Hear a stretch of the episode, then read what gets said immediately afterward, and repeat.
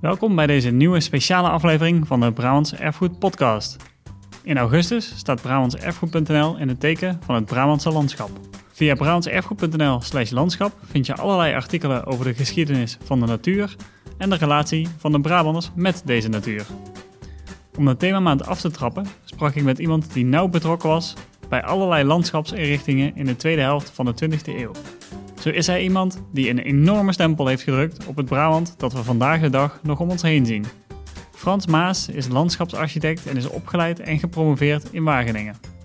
In de jaren 50 en 60 werkte hij bij Staatsbosbeheer als landschapsconsulent en was zo onderdeel van allerlei ruilverkavelingsprojecten in de provincie. Ook daarna was hij nog vaak betrokken bij landschapsplannen in Brabant. Ik sprak met hem over zijn carrière en vroeg hem ook hoe hij terugkeek op alle veranderingen die hij mede tot stand had gebracht. Frans, fijn dat je tijd hebt uh, deze ochtend. Uh, dankjewel dat je naar Den Bosch wilde komen.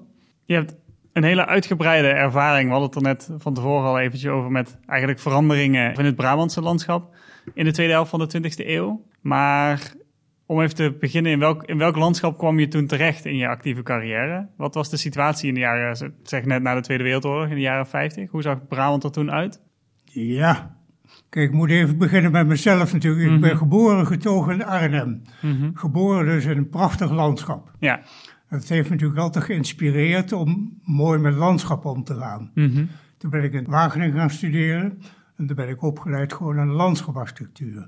Daarna heb ik een eh, promotie gedaan, heb ik de natuur leren kennen. En die dingen bij elkaar. Een mooi landschap, bouwen aan een landschap, relatie met de natuur. Dat zijn altijd uitgangspunten geweest voor mijn werk. Mhm. Toen ben ik bij Stad Bosberg gekomen in 57 als landschapsconsulent. En daar heb ik de ruilverkavelingen van Brabant leren kennen. Maar hoe zag Brabant er toen uit? Dat kun je bijna niet meer voorstellen. Mm er waren bijna geen verharde wegen buiten de steden. Alleen grote provinciale wegen, maar de rest waren allemaal zandwegen of kleiwegen. Het landschap was heel kleinschalig, hè? Mhm. veel meer beplantingen. Uh, ja, de boeren die waren allemaal met kleine tractor, tractoren. Mhm, mhm. Dus het was allemaal ja, totaal anders dan nu. Ja. En toen de ruilverkaveling begon, was de bedoeling natuurlijk om de structuur van de landbouw te verbeteren. Dat was het doel. En dat stond onder leiding van het ministerie van Landbouw mhm. en de Cultuurtechnische Dienst. Cultuurtechnische Dienst was de uitvoerende dienst voor de ruilverkavelingen in Nederland, maar dus ook in Brabant. Ja. En ik werkte als landschapsconsulent bij Staatsbosbeheer. En wij moesten de landschapsplannen maken voor de ruilverkavelingen. Ja, en dat was eigenlijk om dat kleinschalige landschap nog, met alle zandwegen, stel ik me dan zo voor, en grindwegen. Ja, uh, dat was af en toe een drama natuurlijk. Ja. De ontginningen van heide, daar moeten we direct nog maar even voor mhm. hebben. Dat gebeurde in die tijd allemaal. Ik heb er zeven jaar gewerkt, nou, dus door heel Brabant. Mm Ik heb ook 50 landschapplannen voor ruilverkaveling gemaakt. dus heel Brabant stond er op de schop. Maar hoe was dat kleinschalige landschap in eerste instantie tot stand gekomen? Was dat iets wat er altijd al geweest was in Brabant? Of hoe was die historische ja, ontwikkeling tot stand gekomen? Kijk, de, boeren waren allemaal kleine boeren, mm Brabant. Mm Dus er hoorde ook een beetje een kleinschalig landschap bij. Ja. En ze hadden geen grote tractoren en al die dingen. Dus alles ging bijna met de hand hoor, mhm. of met hele kleine machines. Dus dat betekende dat die, die, die structuur van de landbouw was ook kleinschalig met heel veel kinderen hadden de gezinnen. Mm Die moesten allemaal een eigen bedrijfje beginnen. Nou, door die kleine bedrijfjes allemaal, kreeg je een heel mozaïek van het Brabantse landschap, allemaal kleine bedrijven.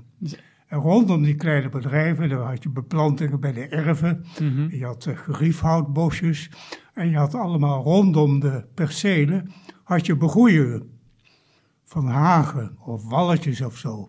En daardoor was het heel, heel veel stukken van Brabant heel kleinschalig. Ja, die erfafscheidingen waren ook een beetje een soort van natuurlijk en door herretjes. Ja, heel natuurlijk. Was de natuur was natuurlijk veel dominanter dan, dan nu. Ja, waar dat nu allemaal uh, paaltjes met prikkeldraad ja, zijn. Ja, dat was er in die tijd niet. Ja, al met de afscheiding waren allemaal met walletjes en uh, singeltjes en houtwalletjes. Maar geen prikkeldraad. En dat, pas, ja, dat is toen ook uitgevonden. En toen ineens ging er moest prikkeldraad overal komen. er moesten al die walletjes weg. en dat, dat kleinschalige kwam dan ook omdat iedereen, of elk kind eigenlijk in, in een boerengezin een stukje grond moest krijgen. eigen bedrijfje beginnen. Ja, ja, en daar werd steeds kleinschaliger. Dat, dat, versnippert natuurlijk dan enorm. Ja, kleinschalig. Je moet je voorstellen, die gezinnen hadden meestal tien kinderen. Dan moesten allemaal kleine boertjes worden. Dus dat versnipperde steeds meer, dat landschap. Ja, ja. Nou, en dat was natuurlijk uh, de structuur voor de landbouw niet goed meer. En toen moest de ruilverkaveling komen de structuur te verbeteren. Ja, want het begin van de 20e eeuw hm? volgens was ruilverkaveling al toegepast op kleine schaal in Nederland? Echt ja, hier en daar kleine eerste stapjes waren Staphorst en ja. uh, er zijn wat eerste ruilverkavelingen geweest. Maar na de Tweede Wereldoorlog nam het echt een ja, grote vlucht, om het, het eigenlijk. Ja. Echt de grote golf van de ruilverkaveling is vanaf nou, vanaf 55 zeg maar tot 75, zoiets. En het, het probleem wat de ruilverkaveling oploste was dan die kleinschaligheid en daardoor misschien dan ook inefficiëntie van die boerenbedrijven ook? Ja, die, die bedrijven waren natuurlijk helemaal niet efficiënt. Mm waren heel kleinschalig en, uh, en alles ging met veel met de hand. Hè? Dus heel zwaar werk, je kunt je bijna niet meer voorstellen. En allemaal zandwegen. Dus ze hadden ook geen, geen goede auto's en zo. Dus het was een heel, ja, een beetje een primitief landschap. Als je schilderijen van Vincent van Gogh mm, nog, die heeft mooie schilderijen van gemaakt. Daar kun je zien, en tekeningen, hoe dat landschap er toen uitzag. Ja, dus, dat, dus dat was eigenlijk het, het, probleem, om het even zo te zeggen, wat uh, opgelost werd door, die, uh, door de ruilverkaveling en dus daarmee ook schaalvergroting. Ja, het was niet alleen in Brabant, het was natuurlijk alle zandgebieden. En mm Drenthe had je dat ook. Ah, oké. Dus er was iets, inderdaad, dat was, wilde ik net vragen van was dat iets wat alleen in Brabant speelde, maar het speelde eigenlijk in alle zandgronden? Ja, alle zandgebieden eigenlijk speelde dat eigenlijk. In Gelderland, Drenthe en Brabant was de grote golf van ruilverkaar was in Brabant. Ja, ja, dat is ook een enorm groot zandgebied ja, Door al die kleine gezinnen, ja, had je dat Brabant ook veel kinderen. Ja, ja, Dan had je Drenthe veel minder.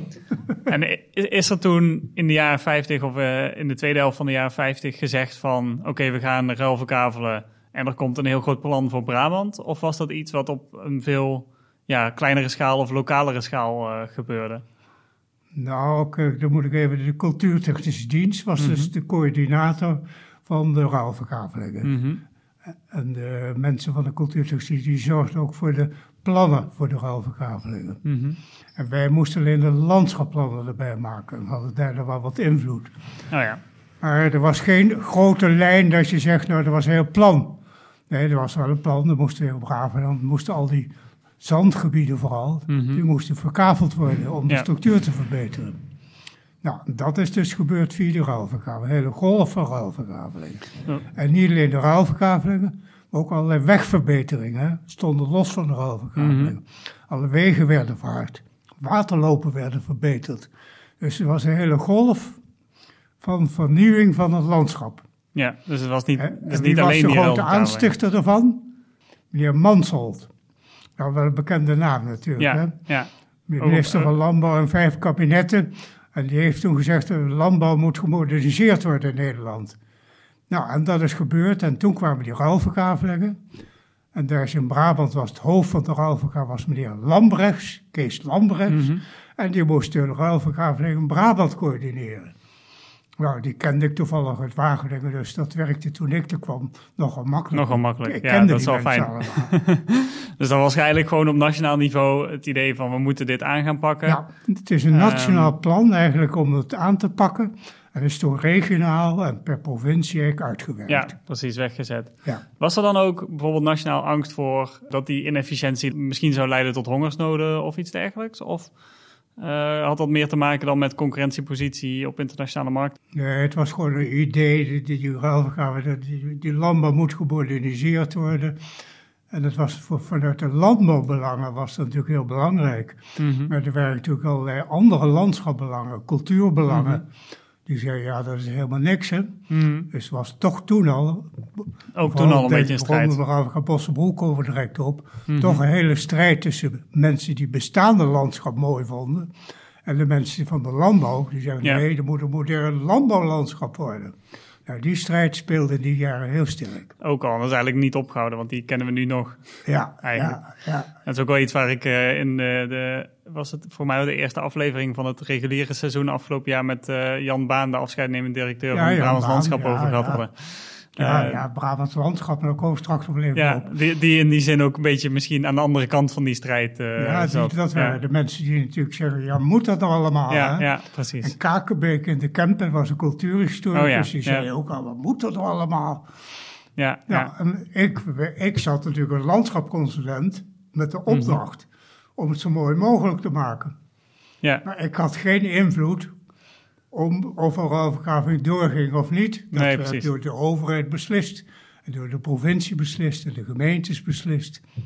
ja. Dus in die zin zat je met iets wat moest Ja. gebeuren en wat je dan vervolgens aan moest passen aan de lokale Ja, situatie en de lokale dingen zo belangen. mooi mogelijk maken. Maar daar kwam het eigenlijk op neer. Ja, ja, precies. Laten we dan eens over zo'n voorbeeld hebben. Je noemde de Bossenbroek al. Hoe kwam dat project van de Bossenbroek tot Nou, de stand eigenlijk? cultuurtechnische dienst die Mhm. kreeg dus de opdracht, er moet in dat gebied een ruilverkaveling komen. Mhm, En die hadden dus, maakten daar een plan voor. mhm, En dat gebeurde samen met een plaatselijke commissie. mhm. Dat waren vertegenwoordigers uit de bevolking die in een plaatselijke commissie vormden en die konden dan meespreken. En als er in één keer daarna een plan was mhm. door de cultuurtechnische dienst en met een landschapsplan erbij wat wij moesten maken, dan werd dat goedgekeurd. Er kwam er een stemming over de. Mhm. En dat- dat was vaak heel hevig, met hele vergadering met heel veel mensen. Mhm. En er moest dan gestemd worden. De inwoners van dat gebied dan Ja. eh, eigenlijk. Ja. Bewoners, de vertegenwoordigers van het gebied, de Ja. boeren, de eigenaren, die mochten stemmen. En je had twee manieren van stemmen, qua aantal mensen en qua oppervlakte. Mhm. Dus de grote boeren, die weinig grote boeren met veel oppervlakte, die hadden een grote stem. Oh ja, ja. Nou, op een gegeven moment daar, gingen toch al die ruilvergaven werden gestemd en die gingen eigenlijk allemaal door. Als er één keer een plan was, dan ging het door. En de plaatscommissie en de cultuurtechnische dienst, die zorgden dan voor de uitvoering. En dat gebeurde in overleg met de gemeentes, met de burgemeester en wethouders en zo. Mhm. En met ons, met het Stadbosbeheer, voor de landschapsaspecten. Ja, en dus bij de Bossenbroek kwam er ook zo'n plan. Daar werd over gestemd en dat werd goedgekeurd. Werd goedgekeurd. Eh, en wa- wat was dat plan op dat moment? Hoe zag dat eruit? Nou, eh, zoiets. Ja, we hebben de kaart voor ons liggen. Dit Eh. wordt een plan voor de ruilverkaaf de. Dat is tussen Den Bosch. Mhm. Ja, dat zijn allemaal hele grote kaarten hoor. Ja, ik heb maar een klein kaartje meegenomen. maar dit is bijvoorbeeld zo'n plan, een landschapplan voor zo'n gebied. En daar stonden in de bestaande beplantingen. Mhm. eh, Die zijn iets lichter ook vaak gekleurd, wat wegging. Mhm. En daarnaast een ontwerp voor nieuwe beplantingen. Ja, Bomen, struiken, walletjes, bosjes, natuurgebiedjes. Nou, dat werd in zo'n plan vastgelegd. ik zal, eh, je hebt de kaart meegenomen. Ik zal daar even een foto maken en die op de, ja, op de leuk. Dat is een van de rondom de bos. Die Ja. heb ik even meegenomen. Ja, dit is wel een leuke ruilverkaveling, ook bij een bos. Want daar hebben we gewerkt niet alleen met beplantingen, Mhm. maar ook met zones in het landschap, Mhm. waar het verdicht moest worden. Dus daar moet het landschap weer wat dichter worden. Dan kan er ook recreatie ontstaan. Want het was niet alleen voor de boeren. Geleidelijk aan zorgden wij ervoor dat er meer recreatie-elementen in het landschap weer kwam. ja, dus dat zijn een beetje ja, verschillende prioriteiten Ja, of als verschillende aspecten binnen zo'n... De, de, landbouw helemaal niet zo wou. Mhm. Maar wij als Stadbosbeheer zeiden ja, dat moest wel. Ja, ja, ja. En daarom hebben wij er toen accent op gelegd. Dus dat, dat is wel iets waar je zelf wat, ja, wat vrijheid in had binnen zo'n plan dan. Dat het Ja, niet dat alleen was- maar om de landbouw wel draaide, zeg maar. Dat laat ik dat toch even. Moet je ook maar een Mhm. foto van maken. Ja, dat is de tweede. Ik heb toen gemaakt een, een schets voor heel Midden- en Oost-Brabant. Mhm. Daar staan de ruilverkaveling op, maar er staan ook allemaal zones op. Mhm. Waar het verdicht moest worden, het landschap. En dat waren vooral gebieden met slechte landbouwgronden. Die waren voor de landbouw toch niet zo goed. Dus Mhm. nou, dan kun je meer bos, natuur maken. En die zones, die vormen dan eigenlijk de structuur van het nieuwe Brabantse landschap. En dat heb ik samen met de Provinciale Planologische Dienst gemaakt, met Bakker. De hele kaart van Brabant heb ik gemaakt. Dus dat is, En dat was in Nederland heel nieuw. Dat is... dat is ook de reden waarom ik in Delft ben terechtgekomen. Want dat vonden ze in Delft zo mooi. Zo'n hele nieuwe visie op het landschap. Zeg. Ja. Het gaat niet alleen over de landbouw, nee, het gaat ook over een nieuwe structuur voor het landschap. Ja, dan heb je het ineens over echt, ja, dit is een kaartje van eigenlijk heel Oost-Brabant inderdaad. Dan heb je het meteen over een gigantische schaal. Ja, dat is een geweldige schaal. Ik me voorstellen, een derde van de, de helft van de provincie. Ja, zo'n beetje, ja, ja. Daar maakt hij er schetsen voor. ja, dat is wel leuk werk hoor. Ja, dat kan ik me voorstellen. Dan heb je ook wel het idee dat je echt, echt iets aan het veranderen bent natuurlijk. Kijk, die ruilverkaar, ik heb er zoveel gemaakt. Mm Op een gegeven moment was er ook bij een beetje op uitgekeken. Ja, ja, dat kan ik me voorstellen. We willen een grotere greep op het landschap krijgen. Nou, en toen ben ik begonnen juist met zulke dingen. Ja. Dat heeft in Nederland nogal wat naam gemaakt. Ja, want eigenlijk ben je hier... Ik zal niet zeggen dat je de, de kaart helemaal leegveegt, maar je bent wel heel Brabant, of in dit geval Oost-Brabant, dan opnieuw in aan het kleuren met, oh hier ja, moeten bossen, want de grond is daar niet goed genoeg. Voor, Zoals de Maashorst, dat is ook een bekend project, mm hebben we toen het plan voor gemaakt. Mm Die zegt binnen die zone moet de Maashorst, wordt er een gebied met een nieuwe natuur, een nieuw landschap, recreatie-elementen. Alleen mm -hmm. mijn opvolger, chef Hendricks, heeft toen verder uitgewerkt. Maar zulke dingen past hier allemaal in. Ja. En ook in de Peel hebben we hele projecten gemaakt. Dus je krijgt daar een andere visie op het landschap. Het is niet alleen maar landbouw, nee, andere elementen. Eh, de, voor de bevolking van de stad en de mm. recreatie. moeten ook elementen in het landschap krijgen. En dat zijn eigenlijk continu die prioriteiten die op grote schaal speelden, zoals op zo'n kaart van Oost-Brabant, maar die ook binnen een kleinere ruilverkavelingsproject ja, speelden. En die werden dan doorvertaald naar de ruilverkaveling. Ja. Dat is één voor, leuk voorbeeld, is ook wel even te noemen. Mm Dat is de ruilverkaveling Oorschot Best. Mm En Oorschot Best was een uh, belangrijke ruilverkaveling want er lag het natuurgebied de Mortelen in. Ja, ja. Nou, is even, we kennen de mooiste natuurgebieden van Midden-Brabant. Ja, en dat kwam ook ter sprake in de podcast met Jan Baan, uh, inderdaad. Ja, Jan Baan. Nou, de Mortelen heb ik samen met Voor Wiel, de mhm. man van het Brabants Landschap, mhm. een plan voor gemaakt. Binnen het kader van de ruilvergave, op het gebied van de Mortelen, een soort landschapreservaat van te maken. Mm Nationaal landschap. Ja. Daar zijn we toen mee begonnen, daar heb ik hele tekeningen van gemaakt. Mhm. En dat is toen in de ruilverkaveling is dat doorgewerkt naar eigenlijk een beschermingsplan voor het gebied van de Morstelen met allemaal mooie beplantingen, natuurgebied handhaven. Mm En nou is de, langzaam het Nationaal Landschappark, is onderdeel van het Van Gogh worden. Ja, het is zo, het van, van een de mooiste gebieden van Brabant. En dus in het kader van deze schetsen is dat geleidelijk al wat tot stand gekomen. Ja, die ruilverkaveling, nu nog heel vaak de het idee van het is allemaal eh, landbouw en agricultuur, wat daar heel erg de, de ja, nadruk daar wil ik nog even over hebben. Het mhm. idee natuurlijk was altijd bij de ruilverkaveling, en zo wordt er ook over gedacht, het hele landschap is afgebroken. Mhm. Het is meer open geworden, hele mm planten zijn verdwenen, natuurgebieden zijn verdwenen. Maar er staat tegenover dat de landbouwstructuur is natuurlijk geweldig verbeterd. Mhm. Die arme boertjes werden ineens toch wat rijker geworden. Met meer machines, mooie erven en zo. De wegen werden verhard. Dus dat was voor de landbouw natuurlijk geweldig goed. Mhm. Maar daarnaast was het ook voor de recreatie. Er kwamen allerlei verharde wegen voor fietspaden. En veel beplantingen. In die tijd, weet ik wel, in die zeven jaar dat ik er gewerkt heb, eigenlijk ook 300.000 nieuwe bomen geplant in Brabant. Mm. Moet je je voorstellen. Ja. En die bepalen nu, nu na 50, 60 jaar, een deel van het landschap. Ja. Dus het is niet alleen maar afbraak, nee, daar stond ook een stuk bouw aan. Bouwen aan een nieuw landschap. Ja, en wat ik me nog afvroeg, als je met zo'n zo'n ruilverkaveling bezig was, dan was er een plan en dat was al een keer ingestemd door de bewoners. Maar maakte je dan ook nog mee dat er daarna nog druk van buitenaf was, bijvoorbeeld? Ja, oh, ja, ja, want dat moet worden uitgevoerd. Ja. En, dan, en dan begint pas de hele verkaveling. Ja, precies. Dat kan, kan me voorstellen dat dat dan ook pas echt schetsen gaan toch dingen anders ja. dan wij dachten. Mm En daardoor is het landschap vaak ook opener geworden dan wij dachten. Mm Want door die verkavelingen moesten allemaal, uh, ja, de structuur werd wat anders.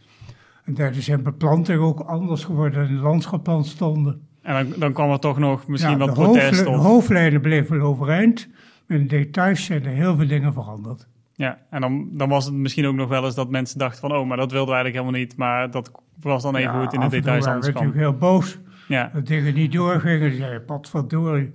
Ik weet nog goed dat ik hier eraf ga Bossenbroek. Mm -hmm. Dat is een leuk voorbeeld. Ja. Nou, dan had je, had je mooie dijkjes met mooie walletjes erop. Mm En wij zeiden, nou, die dijken die moeten allemaal gespaard blijven. En toen kwam de cultuurtechnische dienst, ja, maar die dingen liggen in de weg. de meeste zijn gehandeld, maar sommige stukken niet. Mm -hmm. Het is een mooi verhaal, dus een excursie was er met de directeur van, de landelijke directeur van de cultuurtechnische dienst, Herweer, mm een bekende naam in Nederland. Mhm. Die was er op excursie bij ons in het Mhm. Nou, die ging naar een van die wallen. Die wij zeggen, dit is een prachtige wal, die moet spart. Die zegt hij, nou die wal die is helemaal niet zo mooi. Die is helemaal kapot aan de achterkant. En dat klopt ook. dat hadden wij niet gezien, maar aan de mhm. achterkant zaten allemaal gaten erin. Zegt, moeten we dat nou sparen? Nou, eh, zo ging dat dan. en dan werd er toch een stuk weggehaald. Ja, ontstond er toch nog discussie. Of, ja, uh, en dat vonden we helemaal niet leuk hoor. En dan moet je ook, dan kun je toch wel leuk even dan de ontginningen erbij te halen. Mm -hmm. Want die tijd, moet je je voorstellen, zijn de laatste grote heide-ontginningen van Brabant ontstaan. Ja. In de Kempen, Landschotse heide, Mispleinse heide, Netelselse heide. En er werd dus geen ruilvergadering, maar daar moest ik dan een plan voor maken, een landschapplan voor de ontginning. En voor het landschapplan van de Mispelijnse heide hebben we gedaan gekregen dat de helft van de heide is gespaard gebleven, mm de andere helft is ontgonnen voor de landbouw. Nou, dat was, vond ik, ik ben met de uitvoering toen gestaan, de grote machines die die mooie heide gingen ontginnen. Daar met tranen in de ogen hebben we erbij ja, gestaan. Dat kan ik me voorstellen, ja. Tranen in de ogen. En dat zijn ook echt heel erg historische ja, dus af en toe, landschappen. Die ik vertelde af en toe een beetje optimistisch, maar af en toe stonden we met mm. tranen in de ogen als zo'n landschapelement weg. Ja, als je het dan voor je ziet gebeuren, dat er zo'n ja, bulldozer overheen gaat, dat kan ik me voorstellen, ja. ja. ja dat was ook wel leuk. We hebben toen een plan gemaakt. Dat was van de, die jaren was natuurlijk de stijlbeweging met Mondriaan mm was mhm. in. Nou, de Misplein zei, heb ik toen een plan gemaakt, heb vergeten mee te nemen, in de stijl van Mondriaan. en mooie vlakjes en kleuren mooie vlakjes, en zo. Nou, dat was landelijk ook wel. Oh, Mondriaan, een landschap van Mondriaan en Brabant.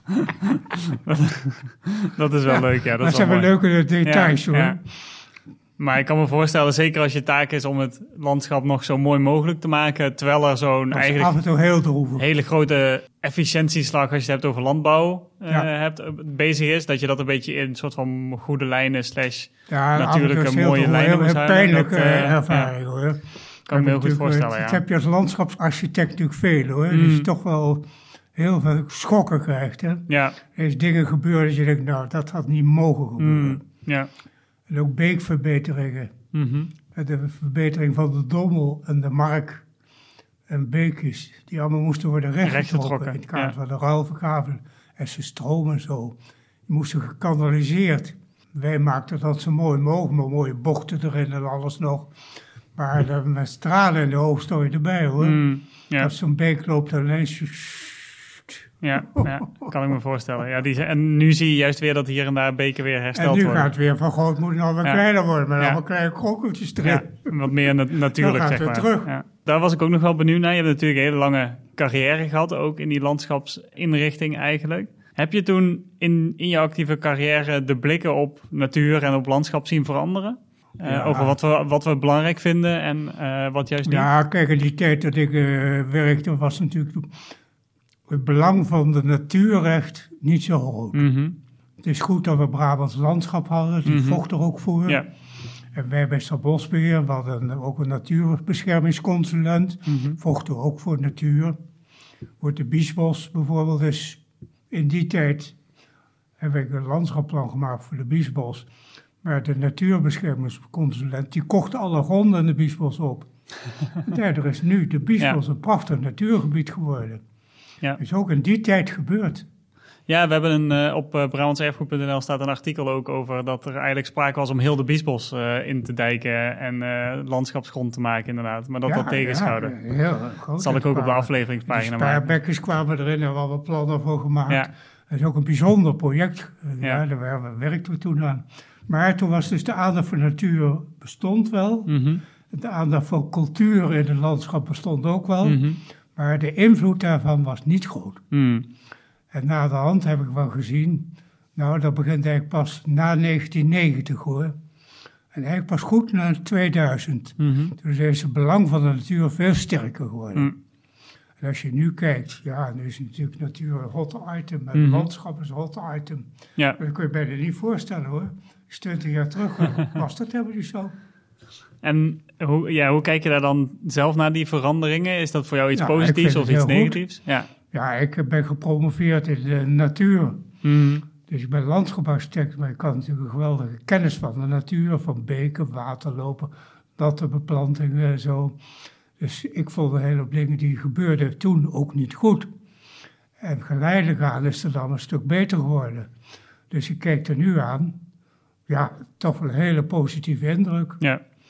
Ik heb wel gezegd, de natuur was in die tijd een beetje een vijand. Mm En nu is een bondgenoot van ons. We moeten nu plannen maken met de natuur als bondgenoot, samen met de natuur ja. en een nieuw landschap bouwen. Het is wel meer integraal in de stad. Ja. ja, dat is wel mooi dat dat veranderd is. Ja. Uh, en dat de natuur daar wat meer, uh, wat meer aandacht voor heeft inderdaad. Want ik heb ja, er is ineens veel meer aandacht. Ja. Niet alleen in Brabant, maar ook in Nederland. Mm Maar Europa ook. Ja. Door de invloed van het klimaat en zo natuurlijk. Nu helemaal. Er is natuurlijk de aandacht voor de natuur en water. En is veel mm groter geworden. Ja, ja, dat hebben we in de recente weken nog gezien. Ja, dat gaat uh, snel hoor. Ja. ja, we zijn nu bezig met een boek over Breda, het mhm. landschap van Breda. Daar, daar is ook een belangrijk thema het klimaat. Ja. De invloed van het klimaat op het landschap. Nou, als je dat ziet, wat er gaat komen allemaal in de mhm. komende jaren. door die discussie over klimaat en alles. Heel wat. Hè? De provincie wil, ik geloof 40 nou, ik heb niet precies het getal, wel 40.000 hectare natuur aanleggen. Mm Dus met bossen natuur aanleggen in Brabant. Nou, een geweldige oppervlakte. Ja. Nou, dat verandert het landschap natuurlijk op allerlei punten. Ja, ja dat, zal dat heeft ook weer een enorme invloed op, uh, op het landschap. Ja. Dus wat ik heb meegemaakt in de tijd van de ruilverkaveling, als je zegt een grote verandering van het landschap. Mm Toen is het landschap van kleinschalig meer open geworden meer moderner geworden, meer vaardenwegen, nieuwe boerderijen. Een geweldige verandering in het landschap heb ik zien gebeuren die tien mm. jaar. En nu gebeurt de komende jaren weer heel veel. Er zal heel veel gaan gebeuren. Minstens net zo grote veranderingen in de toekomst, ja. Ja, en, en de uh, aandacht voor de natuur en het landschap die zal geweldig toenemen. Ja, interessant. Interessant hoe dat dan op en neer uh, golft eigenlijk. Ja, dat is een golfbeweging, hè. Door de hele historie zie je dat, hoor. klopt, klopt. Nou, mochten mensen dus meer willen weten over het landschap van Breda, dan moeten ze nog heel eventjes wachten, maar er komt een boek... In oktober uh, verschijnt dat boek. Ja. ja, de Bredaanse luisteraars en uh, de West-Brabantse luisteraars die daar geïnteresseerd in zijn, die zullen het zeker kunnen vinden. Ja succes dan nog met het afronden daarvan en de laatste, de laatste loodjes wellicht daarvan nog. En uh, voor nu heel erg bedankt dat je de, de tijd had uh, vanochtend. Ja. Achtergronden bij deze aflevering vind je op de afleveringspagina op brabantserfgoed.nl slash podcast. Daar vind je ook alle andere afleveringen van de Brabants Erfgoed podcast, net als op je favoriete podcastplatform. Vergeet ons daar dus niet toe te voegen en je krijgt de volgende aflevering vanzelf in je feed. En als je deze podcast nu de moeite waard vindt, laat dan meteen even een review achter. Wil je op de hoogte blijven van al het nieuws dat op brabantserfgoed.nl verschijnt? Abonneer je dan op onze nieuwsbrief via brabantserfgoed.nl nieuwsbrief.